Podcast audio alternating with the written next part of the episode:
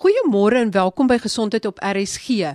Ons gesels vandag oor die e-sigaret.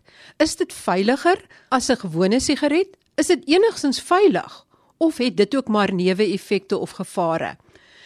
My gas is professor Richard van Sail Smit.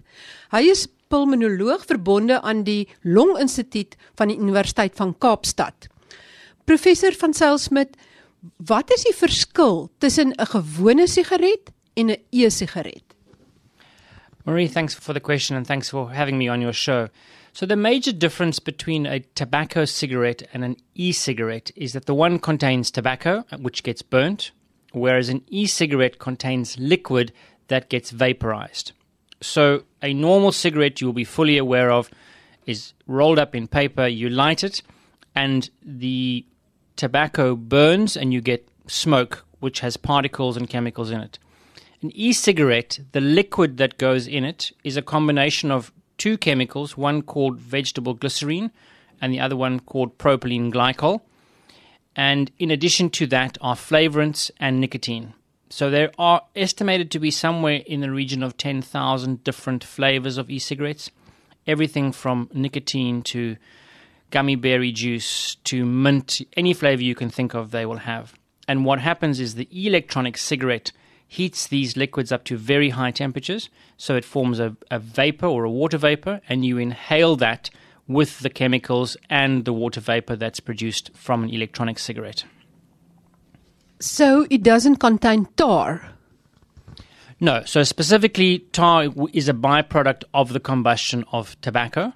Most of them contain nicotine, which is the addictive substance found in both tobacco cigarettes as well as electronic cigarettes. Sal die nikotien in dieselfde konsentrasies wees in die e-sigaret as in die gewone sigaret?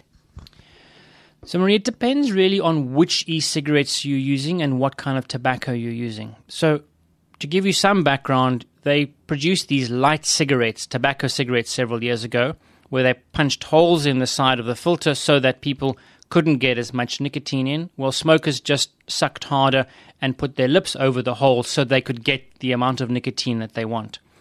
So, for a smoker, they regulate the amount of nicotine that they need because of the chemical addiction based on how often they smoke and how hard they suck on a cigarette. In an electronic cigarette, it's slightly different in that the various liquids and flavorants have different concentrations, but it really is just a function of how often you use it, how hard you suck, and how long you inhale for as to how much nicotine you will get but generally speaking, it's usually less than a normal cigarette. But if you vape for 10 or 15 minutes with a high nicotine concentration liquid, you will get as much nicotine as you want or need.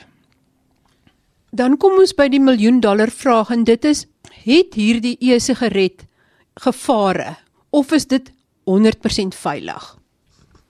So Marie, the issue of veilig is a is an interesting one. In English, we would say safe or safer.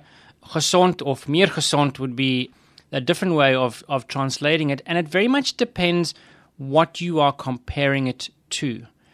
So, again, just to give you the background, for tobacco cigarettes, it took us roughly 50 to 60 years before we recognized that tobacco cigarettes cause lung cancer. Many doctors promoted them. We all thought they were safe. They were widely used, fashionable, and those of you who are older than 40 or 50 will remember seeing all the adverts and how everybody used to smoke everywhere. We realized 50 years later that they are dangerous. We don't have long term safety data for electronic cigarettes, and we won't for the next 20 or 30 years. So there is no evidence or anything to suggest what might happen if you smoke electronic or vape electronic cigarettes for 10 or 20 years. Nothing. What we do have is short term data from people who have either switched or have started using electronic cigarettes. And if you just look at the chemicals in the two different forms of cigarettes, it is likely that electronic cigarettes will be a whole lot safer than tobacco just because they contain far less dangerous chemicals. Now, likely to be safer is not the same as safe. And so we need to split this question into two groups those that smoke, where you have a 50% chance of dying early from a smoking related illness, where an e cigarette that may or may not have a reduced risk, but let's say, for example, that it only has a 20% chance of killing you. Well, that's less than 50%, so that's potentially a good thing. However, when you talk about a non smoker or someone that isn't exposed or hasn't started or wouldn't think about it, is it safe? Well, no, there's nothing to show that it's safe. Yes, it might be safer, but do you really want to take the risk of it potentially being dangerous when you're breathing fresh air? And so that really is where one needs to differentiate the answer of safer. Yes, probably safer than tobacco but definitely not as safe as fresh air. Ek sien in baie van die winkelsentrums is daar stalletjies waar hulle e-sigarette bemark en dit word bemark as 'n safe option, as 'n veilige opsie. So mens kan nie eintlik sê dit is veilig as jy dit vergelyk met gewone lug wat jy inasem vir 'n nie-roker nie. No, absolutely you're correct. And so I think that's where where marketing and reality sometimes split from each other. safer than there are some studies, and again, there's not a lot of scientific literature, but there are some studies that would suggest that they are safer. But again, short term, but definitely not long term. But safer than something that has a 50% chance of killing you is definitely not the same as being safe for someone that has never smoked or never intended to smoke. And that's where the marketing blurs and they never give the two messages together. It's just about being safer than. And the safer than, the estimates are up for debate. They are, yes, likely to be safer. But how much safer, we don't know. But at the end of the day, the safest is to smoke nothing, to not inhale electronic vapor, not to inhale tobacco cigarettes. And so to be absolutely safe, it's fresh air. In wat van passiewe rook? reken julle dat 'n e-sigaret ook blootstelling gee aan aan die mense om hulle wat dan passief die uh, vapes of die dampe inasem? Dink julle dit het enige effek op die passiewe rokers? So Marie there's interesting data from vaping conferences which has shown how high concentrations of particulate matter are in rooms where people vape. Now it's not the same pollution as where you'd put a bunch of smokers in the same room but there certainly are extra chemicals in the room which you wouldn't necessarily want to be exposed to. The WHO has come out with a with a lovely statement where they indicate that the non-smoker shouldn't be exposed to anything more dangerous than fresh air. And so many people have taken that stance that yes, the risks may be quite small compared to tobacco smoking, but why should a non smoker be exposed to anything, even if the risk is quite small. And so certain groups have called, like the WHO, have called for the ban on e cigarettes in restaurants, in public places, because of the potential risk to the non smoker, not focusing on the smoker in this particular instance. Maar in Suid-Afrika, onder wat sorteer 'n e-sigaret? En is dit 'n medisyne of is dit 'n voedselbyvoeging onder wat sorteer dit en wat sê die wetgewing op die oomblik daaroor? So Marie the the legislation is is a interesting question and different countries have approached it in different ways. So the US for example have the FDA who regulates medication and tobacco have had a big fight but they've got electronic cigarettes into the legislation for tobacco and so they can now regulate e cigarettes. In South Africa, it hasn't fitted into anything, and the manufacturers have been very careful about not claiming medical benefits because then they would need so it's not a smoking cessation aid or a medication because then they would need to apply or need to abide by medical regulations. So although it contains nicotine it's not registered as a medication, it's not registered as a health substance, it's not registered as a food substance. But the new draft regulations for tobacco control have now included e cigarettes. Now, these are under draft and under review, and I'm sure there will be quite a fight around them. But it looks like the government's intention is to regulate electronic cigarettes in a very similar manner to tobacco, which would effectively mean no use in public places, no sale to children under the age of 18, and package warnings and the various things that you recognize as tobacco control would be applied to electronic cigarettes as well. Professor van Zyl-Smit, dit is so moeilik om op te hou rook. En nou gryp baie van die mense na die e-sigaret. Met ander woorde, hulle is agter die nikotien aan. Wat presies doen die nikotien aan jou liggaam dat dit so verslawend is? So nicotine is a very interesting chemical and if one looks at the comparison between something like nicotine or cocaine or heroin, it doesn't have as high a chemical addictive response as those types of chemicals. But the reason it becomes so addictive is that there's the association and the habit, and you put the cigarette in your mouth, within 10 seconds, the chemicals in your brain. It releases a substance called dopamine, and that's the one that tells your brain, I'm okay. And the short time between inhaling a cigarette and feeling okay is what makes it so addictive. And so, for many people, when they started smoking, it was just experimentation, but their body then became used to and adapted to and needs that reminder that it's okay with the dopamine response for nicotine. Some people are heavily, heavily dependent, and if they don't smoke for an hour or so, really are craving the cigarette. For others, though, it's more of a habit where I go out for a drink and I have a cigarette, or I get up in the morning, have my cup of coffee with my cigarette. So there's always a balance between the two. E cigarettes, the idea and hope for them was that they would help with the habit in that you've got something in your hand to suck on as well as the nicotine. The research, unfortunately, hasn't shown them to be very effective in helping people quit. Now, I'm sure you will get callers phoning in to say that they smoke 20 a day and they used an e cigarette and they now don't smoke anymore. Absolutely. But for each individual, there's a good way and a bad way, and some things work and some things don't. But from the research studies, compared to something like the patch or other medications like um, Zyban or bupropion or Champix, those drugs, those chemicals in research studies work far better than any e cigarette studies. Now, it's not to say that you can't quit with an e cigarette, but if you had to choose an option, it wouldn't be the best choice based on what we know works and what we know doesn't work. But that needs to be individualized to each person. Maar Zyban en ek is nou nie seker van die ander produkte nie, verhoog ook jou dopamien vlakke sodat jy tog daai gevoel van tevredenheid kry. No, absolutely. So the medication only helps with the withdrawal.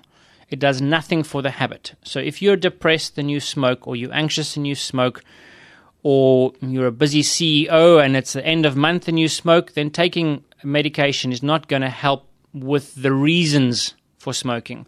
It helps with the withdrawal. And remember, the reason for the nicotine patch, Champix, and Zyban is to allow your brain to wean itself off the need for the nicotine bumping up your dopamine levels whilst you deal with the habit side. So there's always a combination. We always deal with the reasons why the associations with smoking, primarily what we call behavioral change, so that when you're stressed, you don't grab a cigarette as the first thing, you do something else. And if you have significant withdrawal, that's when the medication helps you get over the withdrawal.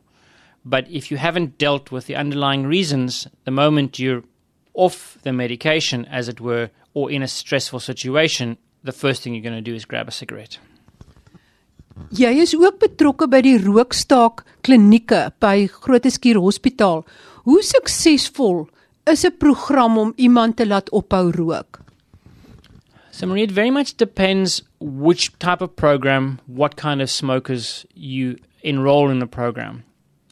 The rule of thumb and the best programs we have seen, the best data we've seen, is that the success rates are about 40% of people that enter a program will be successful at six months, and that drops off after a year, sometimes down to 15 to 20%. That's not to say that you failed, it just means that you weren't successful. The FDA actually in the last 24 hours have re- have released a program called Every Attempt Counts or Every Try Counts. And the point is you can keep trying to quit smoking as many times as you want because there is no limitation on the number of times you can try because your goal is to be successful. The challenge is to learn what happened, why I wasn't I successful, what did I do wrong this time, not as a beating me up with a stick type approach, but really the positive to say, okay, I managed to quit, but I got into a fight with my boss and I went outside for a cigarette. So next time I get into the fight with the boss, how am I going to behave differently that I don't go grab the cigarette? So we learn from our mistakes, we learn from our failures, and there are millions and millions of ex smokers out there, and so it's not impossible to quit smoking. Absolutely, it's difficult, but with the right kind of support, the tailored medication if you need it, and lots of encouragement, absolutely it's possible. Ek wil nou net terugkom na gewone sigarette toe. Wat is die effek van die nikotien? Is dit op die longe of watse tipe skade kry mens as gevolg van die rook van 'n gewone sigaret? So, in a normal cigarette, the estimates are somewhere in the region of 4,000 to 8,000 different chemicals. Some we know well, some we don't, some we know exactly what they do, others we do not.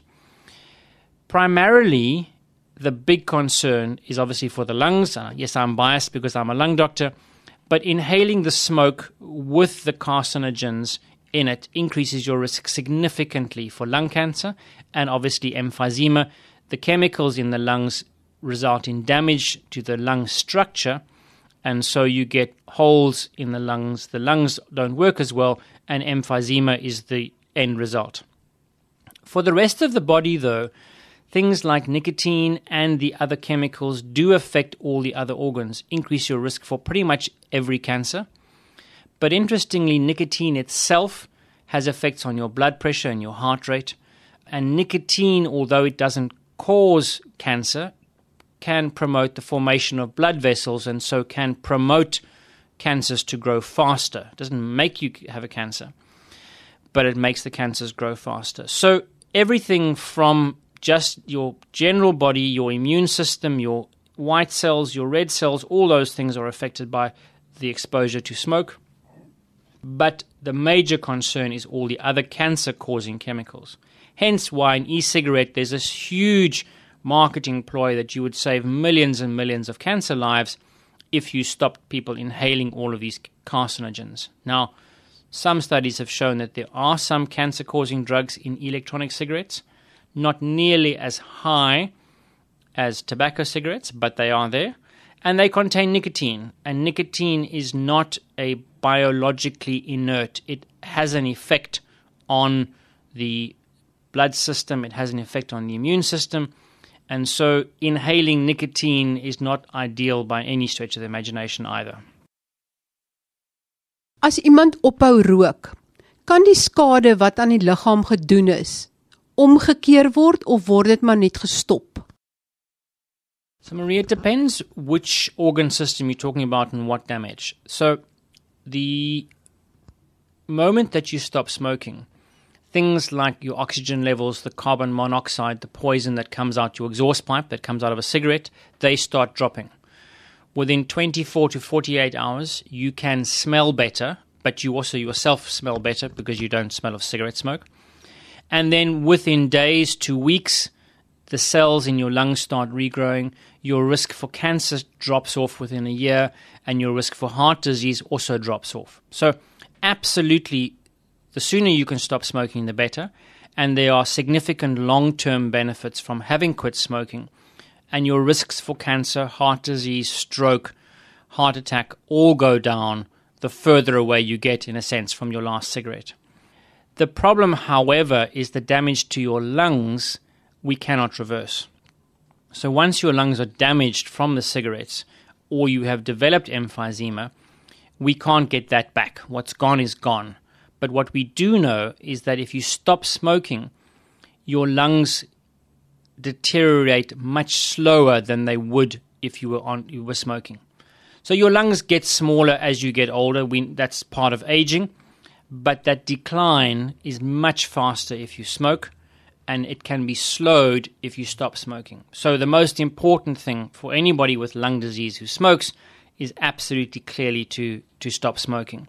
It, as I said, you won't get back what's gone, but the lungs will deteriorate at a much slower rate. But for heart disease, cancer, stroke, the benefits are much higher in that your risks go down quite dramatically and reasonably fast. So it's always, always a good idea, and it's never too late to stop smoking. You will always derive a benefit. Professor van Zyl Smit, as jy 'n finale boodskap moet gee aan die luisteraars daar buite, wat sal jy opsommenderwys sê? So I think in relation to tobacco cigarettes, it is an addiction. It can be very difficult to break. And I would strongly encourage any smoker to do their best to seek as much help from anybody and everyone that's willing to help, provided they don't charge you too much money to get you off your cigarettes. From an electronic cigarette point of view, if you are a heavily, heavily addicted smoker and you cannot absolutely get off tobacco cigarettes, then electronic cigarettes might be a safer alternative in the long term if you're never going to give up inhaling or smoking. If you're going to switch to electronic cigarettes, I would strongly recommend seeing that as a step in the direction of quitting everything. So, not becoming a vaper, but actually becoming just a fresh air breather. And if you don't smoke or vape, and you have children that don't smoke or vape, I would strongly recommend that they go near neither of them because there are no health benefits from smoking or vaping in the long term, and the risks far outweigh any benefit that might be attributed to feeling a bit better or feeling less depressed or less anxious. There are much healthier and safer alternatives than grabbing a cigarette. Baie dankie aan professor Richard van Zyl Smit. Hy's 'n longspesialis verbonde aan die Longinstituut by die Universiteit van Kaapstad en die Groote Skuur Hospitaal. Hy is een van die land se kenners op die gebied van sigaretrook, die effek daarvan en ook e-sigarette. Volgende week beantwoord 'n kenner enkele luisteraarsvrae oor foefie-medisyne. Dit is hoofsaaklik sogenaamde medisyne of masjiene wat ingespan word om sekere siektes te genees en hoofsaaklik deur leuke en nie soseer deur mediese dokters nie. Tot volgende week dan. Totsiens.